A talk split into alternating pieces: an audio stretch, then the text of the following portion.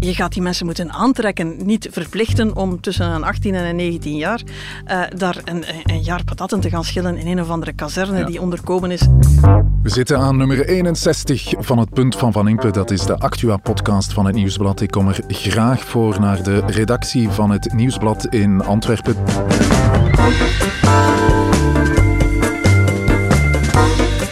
Daar overloop ik de actualiteit met hoofdredacteur Lisbeth Van Impe. Dag Lisbeth. Dag Jeroen. Ik ben Jeroen Roppe. Dit is het punt van Van Impe.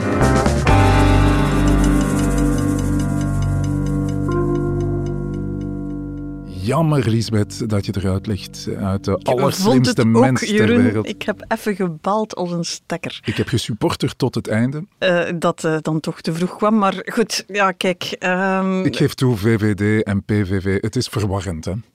Die Nederlandse ja, partijen? Eh, nu ben je heel vriendelijk. Ik vrees dat dat zo een van die dingen is die...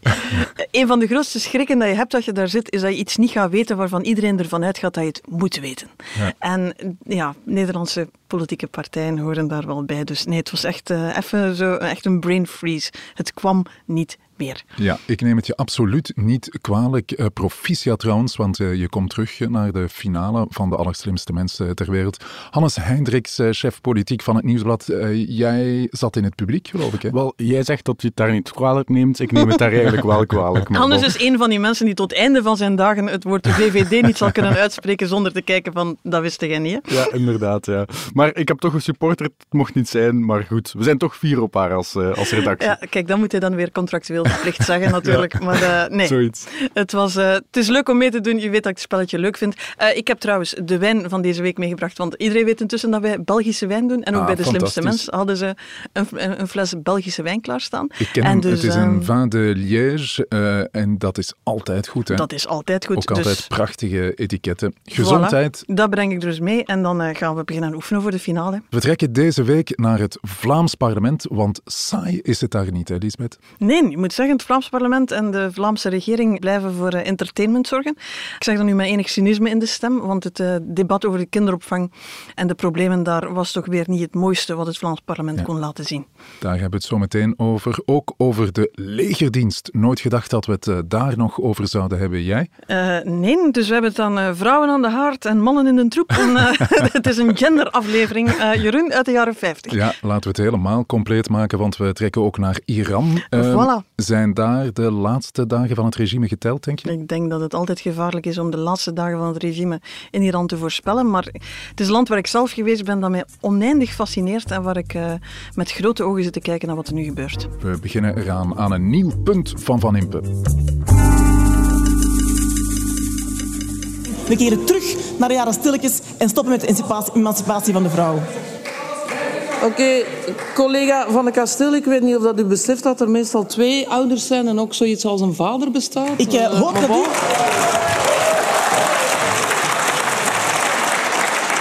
En mijn kinderen zijn bij hun papa. Vlaams parlement debatteerden ze deze week over de septemberverklaring. Dat is de jaarlijkse beleidsbrief van de Vlaamse regering. En in die verklaring staat uh, ook van alles over de kinderopvang. De oppositie vindt dat er te weinig geld uitgaat naar die kinderopvang. Parlementslid Lise van de Kastelen van PVDA die zei dat vooral kinderen en moeders daar de dupe van zijn. Waarop de voorzitter van het parlement, Lisbeth Homans, uh, fijntjes opmerkte dat er ook nog vaders zijn waar de kinderen bij terecht kunnen. Uh, Lisbeth, wat dacht je toen je dat hoorde? Ik vond dat geen gelukkige opmerking. Ik weet, er is heel veel te doen geweest over mag een parlementsvoorzitter überhaupt iets zeggen waaruit een zekere kleur of mening of wat dan ook zou uh, blijken. Ja, want een parlementsvoorzitter moet neutraal zijn, mag niet deelnemen aan het uh, debat, moet modereren eigenlijk eerder. Ja, tegelijk weten we, die komt uit een partij, die is heel haar leven politica geweest. We weten dat die dingen denkt. Ik vind dat een parlementsvoorzitter de rechten van meerderheid en oppositie moet weten te garanderen. Dat betekent het reglement laten naleven, zorgen dat iedereen zijn spreektijd krijgt, zijn vragen kan stellen dat vind ik fundamenteler dan het idee dat je daar altijd geurloos, kleurloos en smaakloos dus aan moet zitten. Er, eh, je tilt er eigenlijk eh, niet zwaar aan? Ik tilde niet zo heel zwaar aan het feit dat het een soort van mening was. Ik tilde wel zwaar aan hoe laconiek daar eigenlijk een heel terecht punt werd weggewuifd met dan gejoel op de banken van de meerderheid, applaus. Vond dan blijkbaar een heel goede mop. Waar ik dacht van, jongens, we zitten met een fundamenteel probleem in de kinderopvang. We weten allemaal dat dat, als dat niet lukt, als je geen plek in de crash vindt, dat dat buitenproportioneel bij de moeders terechtkomt. Maar zelfs als het bij de vaders zou terechtkomen, sinds wanneer is dat dan eigenlijk een oplossing voor een probleem? Zijn er mensen die willen gaan werken, maar niet kunnen gaan werken omdat ze geen plek vinden in de crash? Ja, wat vond jij, uh, Hannes, inhoudelijk uh, van de tussenkomst? Wel, ik denk dat ze het als een soort uh, mopje had bedoeld, maar tegelijk, ja, ze sprak daar in naam van de voltallige meerderheid, denk ik dan, want ik zag ook CD&V'ers en Open VLD'ers applaudisseren. Ja, haar woordvoerder zei het was een uh, ludieke reactie eigenlijk. Hè? Ja, inderdaad, maar tegelijk wel heel veelzeggend over de manier waarop die meerderheid blijkbaar, en zeker de Vlaamse regering dan ook, uh, naar dat probleem van de kinderopvang kijkt. Je zit met een parlementslid dat pleit voor extra investeringen, bijkomend in die, in die kinderopvang, omdat die in crisis is. En dan zit je met een parlementsvoorzitter die zegt, wow, waarom is dat eigenlijk nodig? Ik heb een man thuis die voor mijn kinderen zorgt. Eh, dat is toch perfect ook een oplossing? dus eigenlijk zegt ze daarin van ja, waarom moeten wij als overheid nog extra geld tegen die kinderopvang? Dat is gewoon een ideologische keuze en kwestie. Inderdaad, en dus ja, om dat dan als een mopje te gaan zeggen, terwijl, laten we niet flauw doen, hè, kinderopvang is een van de sectoren en een van de problemen die deze Vlaamse regering achtervolgt. Hè. Het, was, het was het laatste spook dat Wouter Beke op de hielen zat. Herinner je alle vragen over de kwaliteit van de kinderopvang, de controle op de kinderopvang, alle problemen die daarmee geleerd zijn, die hem eigenlijk als minister finaal naar het ontslag geduwd hebben. Het is een sector waarvan we weten dat de problemen al lang aanwezig zijn, niet zomaar opgelost raken. Dus het leek me nu echt wel het verkeerde thema om zo eens uh, poepoe te gaan doen. Ja, want de term wereldvreemd viel ook, Hannes. Uh, had jij ook dat gevoel? Wel, toch een beetje wel. Hè. Uh, ik denk dat heel veel mensen, en al zeker de mensen die in de kinderopvang werken, daarnaar zitten te kijken van, ja, wat is die hier eigenlijk aan, aan het zeggen? Hè? Wij, wij sloven ons hier elke dag uit om die kinderen op te vangen. Het loopt daar al zo moeilijk. Ja. Er zijn al veel te veel kinderen per begeleider eigenlijk. We zitten met de problematiek dat er veel begeleiders uitvallen met burn-out. Um, er zijn veel te je weinig Je vindt de mensen niet. De mensen die erin beginnen stappen er op korte termijn weer uit, waardoor dat de druk nog meer op de schouders valt van degenen die nog aan de slag zijn. En dat mij met, ja, waarvan ik er toch van uitga dat de meeste ouders zeggen van dat is ongeveer wel een van de belangrijkste dingen die er zijn. Namelijk dat wij onze kinderen met een gerust gemoed ergens kunnen achterlaten. Ja, en daarom komt de Vlaamse regering eh, ook met een aantal extra investeringen. Maar hoor ik jou nu zeggen, Hannes, dat is allemaal niet voldoende? Wel, ze hebben een extra pakket beslist nu, waarbij er elk jaar 115 miljoen euro extra gaat naar die kinderopvang. Maar alle experts zijn er eigenlijk over eens dat dat helemaal niet gaat volstaan om, om de crisis in die sector op te lossen. En al zeker niet omdat ze dat geld vooral gaan spenderen aan het optrekken uh, van de lonen van kinderbegeleiders. Van een deel ervan. Ja. Klopt, in, in een deel van de crèches. Maar het grootste probleem is dat er te veel kinderen zijn per begeleider. We zitten ongeveer aan een kindbegeleiderratio, heet dat dan, van negen kinderen uh, per begeleider. Ik heb ja. zelf geen kinderen, maar mocht ik er voor negen moeten zorgen, ik denk... Ja, ik denk in... dat zelfs mensen met kinderen, wij hebben er al twee geen, maar ja, iedereen is denk ik erover eens dat negen kinderen heel veel is. Ja, ik kan er mij iets bij voorstellen. Ik heb er één als ik die maal negen moet doen. uh, maar uh, inderdaad, in de ons omliggende landen, in de meeste landen die uh, bij ons in de buurt liggen, zit je aan één op vijf, één begeleider voor ja, vijf kinderen. Zoiets ongeveer. En je kan daar wel op hopen dat als je de lonen gaat optrekken van een deel van die begeleiders, dat dan de job iets aantrekkelijker wordt ja. en dat je zo de instroom gaat vergroten. Maar zeker op korte termijn gaat dat niet veel zoden aan de dijk brengen. Eigenlijk zit je hier zo met twee dingen tegenover elkaar. Dit is zo, de Vlaamse regering zegt heel rap, we zitten hier op welzijn. Ja, dat is het departement van nooit genoeg, daar sluipt een soort van fatalisme ja. in. Hè. We doen veel, maar ja, je kunt die problemen toch eigenlijk niet oplossen. Ja. Aan de andere kant voel je van, ja, je hebt hier eigenlijk voor elk van die deelaspecten van de zorg en van welzijn, heb je eigenlijk een soort van masterplan nodig. Die problemen slepen al lang aan. Je hoort nu allemaal dingen die in eerdere discussies over onderwijs ook al gepasseerd zijn. Hè. Uh, waar we zeggen van ja, het begint eigenlijk heel vroeg. Het heeft te maken met de aantrekkelijkheid van de job. Het heeft te maken met hoe we die organiseren, hoe dat we daar waardering voor geven. Dat is een stuk financieel, maar dat gaat ook breder dan dat. Dat gaat over kwaliteitszorg en controle. Alles komt daar samen. En nu krijg je weer het gevoel van, ja oké, 115 miljoen euro, we gaan daar niet over doen. Ik bedoel, dat is geld, dat gaat een aantal dingen oplossen, maar gaat dat het structureel aanpakken? Ja, daar ben ik niet van overtuigd. Het is een druppel op een uh, hete plaat. Uh, Hannes, uh, heb jij ook die indruk? Wel ja, en als je dan nog even terugkoppelt naar die, um, die uitspraak van Lisbeth Homans, waarbij ze er wel lacherig over doet, ja, dan versta ik wel dat mensen die in crashes werken, daarnaar zitten te kijken van, ja, wat, wat zijn ze hier eigenlijk ja. Je krijgt toch altijd weer dat gevoel van echt serieus wordt het niet genomen. Pas op, hè, Benjamin Dalle, die totaal niet aan het lachen was vanmorgen op de radio, maar die zegt van ja, maar in, in de praktijk is het toch vaak minder kinderen dan dat ze zeggen. Uh, in de praktijk is dat toch niet die negen en, en noem maar op. Ik denk van, begin nu eens met te zeggen van we gaan dit misschien niet allemaal in één keer opgelost krijgen, maar we erkennen het probleem wel. We gaan het niet minimaliseren. We gaan niet proberen te doen alsof het eigenlijk ja, zo van die onmogelijke vragen van vakbonden en sectoren en belangengroepen is. We, gaan, we weten dat we hier voor een fundamenteel probleem staan, dat we fundamenteel gaan moeten aanpakken.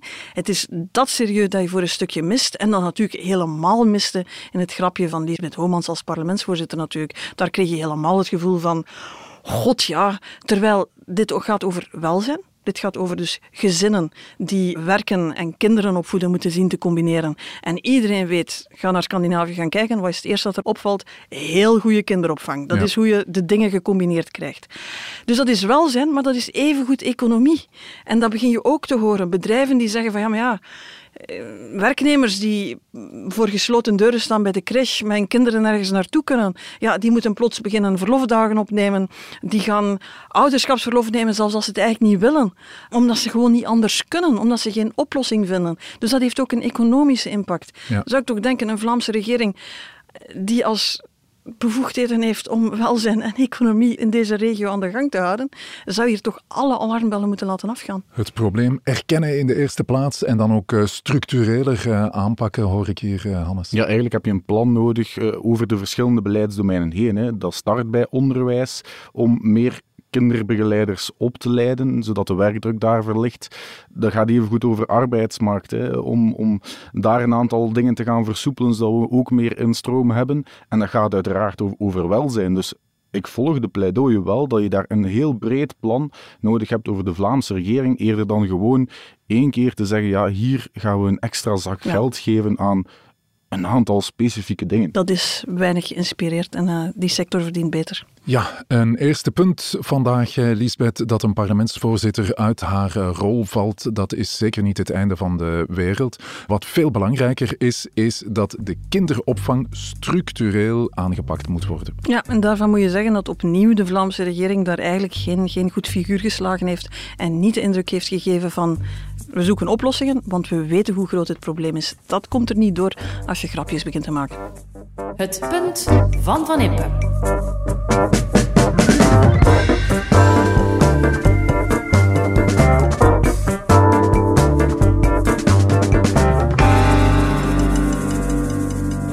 Ik denk dat je inderdaad moet durven uh, een keer waarschijnlijk dat uh, het conflict en, en toch de evolutie van de veiligheidsomgeving in de wereld uh, opnieuw een keer uh, herbekijken. En uh, is er een meerwaarde om eventueel een dienstplicht opnieuw in te voeren of niet?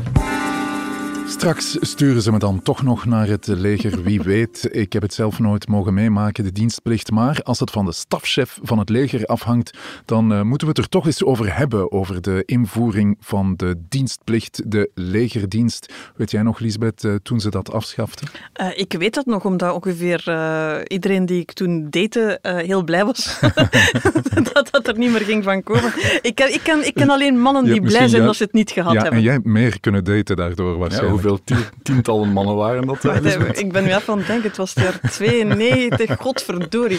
Ik was nog wat jonger. Uh, nee, nee, dus ik merk, ja, iedereen waar dat ik ooit mee gedate heb, was zeer blij dat ze ontsnapt waren aan de dienstplicht. Daar moet ik eerlijk in zijn. Klopt het eigenlijk dat het nooit is afgeschaft, die dienstplicht, maar wel is uh, wel, opgeschort? We, ontdekken dat nu, dat dat opgeschort is nu. De hele populariteit van Leo Delcroix, een man die intussen in de nevelen der geschiedenis verdwenen is. Ja, die was toen uh, minister van Defensie. Ja, die heeft zich nooit eigenlijk... Allee, bedoel, die mens heeft in, heel zijn leven bijna niks gedaan om echt populair te worden, maar dat heeft hem een eeuwige dankbaarheid van hele generaties jongens en mannen opgeleverd. Ja, de discussie uh, leeft nu toch wel over de herinvoering van die dienstplicht. Wat zijn jouw bedenkingen, Hannes? Als je dat hoort? Wel, als je vraagt naar mijn persoonlijke bedenkingen, dan uh, moet ik u teleurstellen, want ik heb twee linkervoeten, twee linkerbenen, twee linkerarmen en weet ik wat nog allemaal. Dus ik zou gaan lopen, denk ik, uh, mocht hij terug worden. Gaan lopen, Hannes. Ja, of uh, afgekeurd worden, dat kan ook. dat kan daar kan je altijd op hopen, natuurlijk. Ja, het is, uh... Er zijn weer enkele landen, Lisbeth, die die verplichte legerdienst weer invoeren. Landen als Zweden, Noorwegen. Moeten wij dat ook doen? ik denk het niet. Je krijgt een soort van geopolitieke analyse. Hè. Dus de legerdienst is afgeschaft, of de dienstplicht is afgeschaft in 92. Dat is drie jaar na de val van de muur. Het moment dat we dachten dat conflicten in Europa nu wel helemaal tot het uh, verleden zouden gaan behoren. En we hadden, allee, we hadden de militia niet meer nodig tegen de Rus, basically. Vandaag is de Rus terug. Allee, is, is staat in Oekraïne. Dat is uh, oncomfortabel dichtbij. En vandaar ook, de wereld is veranderd. Uh, we moeten toch weer meer bezig zijn met onze eigen defensie. En vandaar het pleidooi voor de dienstplicht. Ik denk dat dat een discussie is die je moet voeren. Hoe gaan wij om met defensie, het geld dat we daarin investeren? Hoe kijken we naar onze eigen veiligheid? Dat is een debat dat we de voorbije 30 jaar vrij casual gevoerd hebben. We spreken eens over een Europees leger, we spreken eens over wat gemeenschappelijke investeringen in, in nieuw materieel, noem maar op. Maar je voelt dat de druk op dat debat groter geworden is. Die dienstplicht met dan mot, al die veertigers en vijftigers die dan beginnen herinneringen op te halen aan, aan de schoonste tijd uit hun leven. En daar zijn ze man geworden. en dat was tenminste nog iets waar ze met heimwee naar terugdenken. Ja, maar goed, je denkt al snel aan uh, de dienstplicht als uh, soldaat of als, uh, als echte krijgers. maar de mensen waar ze nu naar op zoek Je hebt duidelijk geen dienstplicht gedaan. nee, maar ik bedoel, de mensen, de profielen waar ze nu naar op zoek zijn, zijn vooral IT'ers en, ja, en dat die soort ga je dus profielen. Die ga je dus niet via een algemene dienstplicht natuurlijk naar het leger halen. Hè. Opnieuw, je gaat moeten zorgen dat een IT'er daar een, een, interessant prospect heeft. Dat hij denkt van, uh, ja, dat is een, een, job die ik misschien wel zou willen doen. Uh, je gaat die mensen moeten aantrekken, niet verplichten om tussen een 18 en een 19 jaar uh, ja. daar een, een, jaar patatten te gaan schillen in een of andere kazerne die onderkomen is. Ja. En, ja, Hannes. Ons leger is inderdaad de voorbije jaren zo ondergefinancierd dat nu plots afkomen met een dienst dienstplicht. Eén, ja, waar gaan we die jongens, mannen opleiden? Uh, met welke wapens? In welke kazernes? Ja, klopt. Als, als Oekraïne ons vraagt om, om extra wapens, moeten wij hier beginnen, beginnen scharten van, hebben we hier nog iets liggen? Dus ik denk dat we als we dan gaan investeren in defensie en, en terug een macht willen worden op het gebied van het leger, dat we eerst daar gaan naar moeten kijken, eerder dan ja, gewoon mannen ja. gaan recruteren. Er sluipt altijd zo'n vreemde nostalgie binnen over de echte mannelijkheid en dan zie je sommigen met afgrijzen naar de jeugd van tegenwoordig kijken, zoals iedereen die iets ouder is dan 40 blijkbaar doet, uh, met afgrijzen naar de jeugd van tegenwoordig kijken en dan denken dat dat gaat opgelost zijn door ja, een jaar ergens oefeningen te gaan doen in een bos. Ja. ja nee, nee. Ik zag ook uh, een aantal politieke reacties uh, passeren. Laten we beginnen met Theo Franke. Die zei: top idee. Uh, qua nostalgie naar dat soort mannelijkheid is Theo Franken ook de eerste die in mijn hoofd springt. Um, en dan, sign of the times vermoed ik, Sammy Medi in zijn voetspoor. om ja, te zeggen had dat. het over een burgerdienst. Hè? Uh, ja, patriotisme en noem maar op. Ja, dat ging dan over verplicht vrijwilligerswerk. Hè. Ik bedoel, dat daar een zekere contradictie in zit die zelfs een christendemocraat zou moeten zien. Verplicht vrijwilligerswerk. Ik zeg het nog eens traag, dan kan ook Sammy Medi het laten inzinken. Ik ben allemaal voor schema's waarbij mensen kunnen kennis maken met het leger. Waar dat je mensen kan, uh, waar dat je een context creëert waar mensen kunnen effectief een, een jaar gemeenschapsdienst gaan doen maar dan liefst wel vrijwillig. Zorg dat dat mogelijk is. Je hebt fantastische programma's zoals Teach for Belgium voor alle mogelijke landen ter wereld, waar je leerkrachten mee recruteert, noem maar op. Je kan mensen echt wel eh, ervaringen aanbieden. Je kan, je kan een context creëren, maar het idee dat straks er oproepingsbrieven voor al dat soort dingen bij 18, 19-jarigen gaan binnenvallen en dat dat dan de manier is waarop ze miraculeus karakter gaan krijgen, allee, kom aan. Een tweede punt, Lisbeth, verplichte legerdienst, dat uh, hoeft niet, geen goed idee, maar praten over defensie, dat moeten we wel doen. Dat moeten we wel doen en we zijn dat niet meer gewoon. We doen dat niet graag, dat kost ook allemaal heel veel geld en we zijn niet meer gewoon om daar geld aan te geven. Ik denk wel dat de toestand in Oekraïne ons geleerd heeft dat we daar meer gaan moeten over nadenken, dat we daar lastige keuzes gaan moeten maken, maar laat het ons uh, uit het vaarwater van de militia houden. Het punt van Van Impe.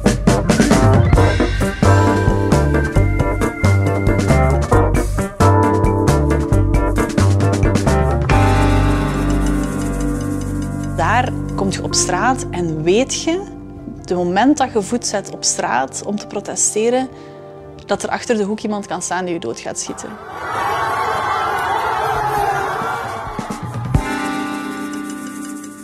Sarah Salakia, een Belgisch-Iraanse op de Instagram-account van het Nieuwsblad. In Iran zijn er nu al meer dan twee weken elke dag hevige protesten overal in het land tegen de onderdrukking van vrouwen. De aanleiding was de dood van de 22-jarige Massa Amini, die overleed na haar arrestatie door de zedenpolitie in Iran omdat ze haar hoofddoek niet juist droeg. De protesten werden heviger en heviger en nu zie je ze echt overal in het land, uh, Lisbeth. Waar zie je dit eigenlijk eindigen? Ik, ik denk dat niemand het op dit moment kan voorspellen. Er zijn nog protesten geweest in Iran. In 2009, 2019 zijn mensen ook op straat gekomen. Nu, het is een regime dat er echt niet voor terugschrikt om heel hardhandig ook protest neer te slaan. Dus je bent altijd bang om echt te gaan hopen dat dit dan het protest is dat het regime doet wankelen en, en dat echt verandering naar Iran ja, brengt. Ik hoorde ook zeggen, deze keer zou het wel eens een menens kunnen zijn, omdat heel veel mensen niks te verliezen hebben vanwege de crisis, eh, de sancties. Het valt heel hard op. Het gezicht van het protest zijn vrouwen, vaak ook heel jonge vrouwen. En intussen de universiteiten, de, de middelbare scholen, eh, zelfs jonge meisjes die echt het regime aan het trotseren zijn. Maar je voelt dat er een heel breed ongenoegen en wantrouwen en kritiek op het regime onder zit.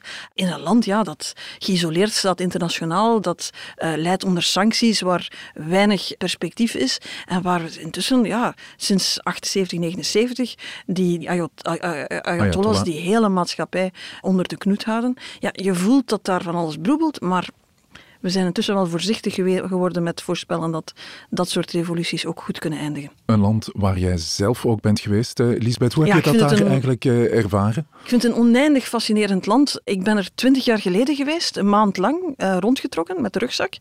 Volledig aangecharreld zoals dat er volgens de, de, de wet moet. ik, ik ben gaan shoppen in Teheran om te weten van, ja, hoe moet ik dat hier doen? Ja. Ik had van een aantal Iraanse vrouwen hier wel... Die zeiden van, volg alle regels, want ze kijken echt wel dat je de regels volgt. Ja. En voel je je um, ook effectief maar gecontroleerd? Als zij zeiden toen al van, um, ga je niet super conservatief kleden. Hm. Kijk eens rond en zoek de grens op. Als westerse toerist ja. gaan ze je minder rap lastigvallen dan onze eigen vrouwen. Dus eh, maak nu niet de fout van je uh, heiliger dan de paus te gaan kleden. Ja. Dus uh, ga maar in een winkel gaan kijken. Doe die hoofddoek niet helemaal...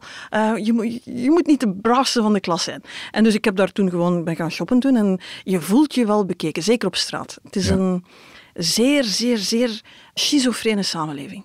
Het meest gasvrije land waar ik ooit geweest ben. Je wordt bij mensen thuis uitgenodigd, je wordt aangesproken. Uh, mensen zijn super vriendelijk. Die zeggen van hier, pak een auto maar. En ze vragen niks terug. Ja. Uh, ik moet er meteen bij zeggen, dat zijn natuurlijk degenen die Engels geleerd hebben, die al meer op het Westen gericht zijn, die openstaan voor toeristen en noem maar op. Je hebt natuurlijk ook een deel van die samenleving die veel conservatiever is en geen enkel contact met je zoekt. En zelfs als ze zouden willen, ja, ook geen taal hebben om met jou uh, te spreken. Dus je krijgt een sectie van de mensen te zien die al openstaan voor Engels en, en, en de buitenwereld. Maar je voelde zo hard als de deur dicht gaat en de gordijnen gaan dicht. Dan gaat de tv op en staat er een illegale MTV te blaren. en uh, staat er alcohol die, als er zou aan de deur geklopt worden, rap in het toilet doorgespoeld wordt. Je mag alle ja. hoofddoeken en bedekkende kledij uitspelen naar gewoon in je t-shirt zitten. Dat vindt niemand een probleem. Ja. Diezelfde mensen die op dat moment heel cool met je omgaan, als je ze terug op straat tegenkomt en je zou proberen ze een hand te geven, dan deinzen ze terug en doen alsof dat je ja, besmet bent, bent met iets. Dus het zijn mensen die geleerd hebben om in de publieke ruimte altijd rekening te houden met het feit dat er meegekeken wordt. Ik ken het van het uh, bekende stripverhaal of de graphic novel van uh, Marianne uh, Satrapi. Ja. ja. In, in, welke mate is dat nu tegen de hoofddoek gericht, dit protest? Ik denk dat dat heel... Hier voel je dat dat heel rap gerecupereerd wordt in dat debat, hè, voor of tegen de hoofddoek. Iran is een complex land, is een land met heel veel trots en traditie en geschiedenis. Een hoogopgeleide bevolking, ook vrouwen gaan daar studeren daar, zijn hoogopgeleid. het is echt Afghanistan onder de Taliban niet. Het is, het is een ander soort samenleving. En wat je daar voelt is, dit gaat veel meer over, over het recht om zelf je keuzes te kunnen maken. Je ziet ook dat er mensen zich bij de protesten aansluiten die wel een hoofddoek blijven dragen. Niet alleen omdat ze schrik hebben, maar omdat het voor hen wel ergens voor staat. Dus ik denk dat je dat niet in, een, in ons frame mag wringen voor of tegen de hoofddoek. Ja. Maar je zit daar op de ambiguïteit van heel dat symbool natuurlijk. Hè. Westerse vrouwen, eigenlijk de, de ideale situatie is dat niemand zich moeit met hoeveel centimeter textiel een vrouw gebruikt om zich in de publieke ruimte te begeven. Laten we zeggen, wanneer zijn we er? Op het moment dat niemand denkt dat hij daarover iets te zeggen heeft. Ja. Wat je natuurlijk wel moet zien, je kan in Iran niet rondlopen zonder te zien dat het wel degelijk gebruikt wordt als een manier om vrouwen te onderdrukken, gevangen te houden, uh, vast te zetten, uh, in een karkan te, te, te, te, wringen. Je bent echt de hele tijd ermee bezig met, ja, zit het goed, uh, is er niks te zien? Zoals ik die geen enkele traditie had van hoofddoeken en dergelijke. Na een maand kwam ik terug en ik, ik, ja, ik voelde dat ik al voor een stuk geconditioneerd was. Dus je wordt de hele tijd bezig gehouden met kledingstukken. Dat is in dat deel van de wereld wel degelijk een instrument om vrouwen klein te houden. Dus ik vind dat je als, als westerse vrouw kan je daar ook niet zomaar aan voorbij gaan. Het wordt als instrument gebruikt. Maar laten we zeggen, ik vermoed dat ze ook in Iran er zouden mee eens zijn dat vrouwen zelf laten kiezen toch de weg is die we moeten begaan. En uh, je kan maar hopen voor hen dat we daar geraken. Ja, de vrouwen die protesteren in Iran, die zeggen niet wij zijn tegen de hoofddoek, maar uh, die oh, een zeggen... deel wel, hè. Een deel zal echt wel zeggen van uh, ik heb het echt wel gehad. een van de, de, de, de, de gekste dingen die je hebt is een vlucht naar Teheran, waar zo een kwartier voor het landen alle vrouwen naar het toilet verdwijnen om zich dus helemaal te gaan omzwachtelen. En als je dus in een omgekeerde richting vertrekt, duurt het geen kwartier voor alles ook weer uit is. Dus het is daar heel drukkend en dwingend. En je hebt vrouwen, het is geen toeval dat ze met die hoofddoek staan te zwaaien, uitdagend voor die politieagenten nu, om te zeggen van, jullie gaan het ons niet meer zeggen, wij willen deze eh, hoofddoek afwerpen. Een deel wil echt zonder die hoofddoek verder, een deel wil daar zijn eigen weg in vinden. Uh, daar zijn heel veel tussenwegen. Je kan alleen maar hopen dat we eindelijk die vrouwen zelf laten beslissen. Dus, um, maar wring het niet in het karkan te makkelijk vanuit onze westerse blik voor of tegen. Het gaat over vrije keuze, zoals zo vaak, veel minder dan over de vierkante meters textiel. Het derde punt van Van Impe uh, vandaag, waar de protesten in Iran toe zullen leiden, dat is heel moeilijk in te schatten. Maar het is wel duidelijk waar ze over gaan. Die gaan over de vrije keuze. Het gaat over vrije keuze en je kan maar hopen dat al die vrouwen en meisjes die de moed hebben om daar op straat te komen, uh, krijgen wat, uh, wat ze vragen, zijn het, het recht om zelf te beslissen. Het punt van Van Impe. Thank you.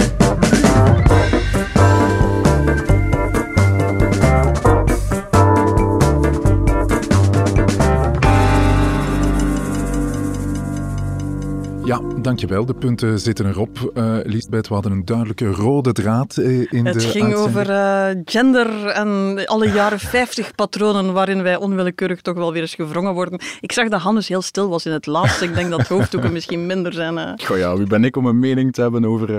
dan zie je, de, de, de, mannen van tegenwoordig worden goed opgevoed. Hè. Je moet die naar de troep sturen. Dan gaan die weer over, over alles een mening hebben. Voilà, de rode draad in deze uitzending was heel duidelijk ons aangereikt door de actualiteit. Dankjewel uh, voor jouw punten, Lisbeth. Ik kijk nu al uit naar het volgende punt van Van Impe en de rest uh, van uh, de Vin de Liège. Die zullen we maar laten voor de collega's hier. Hè.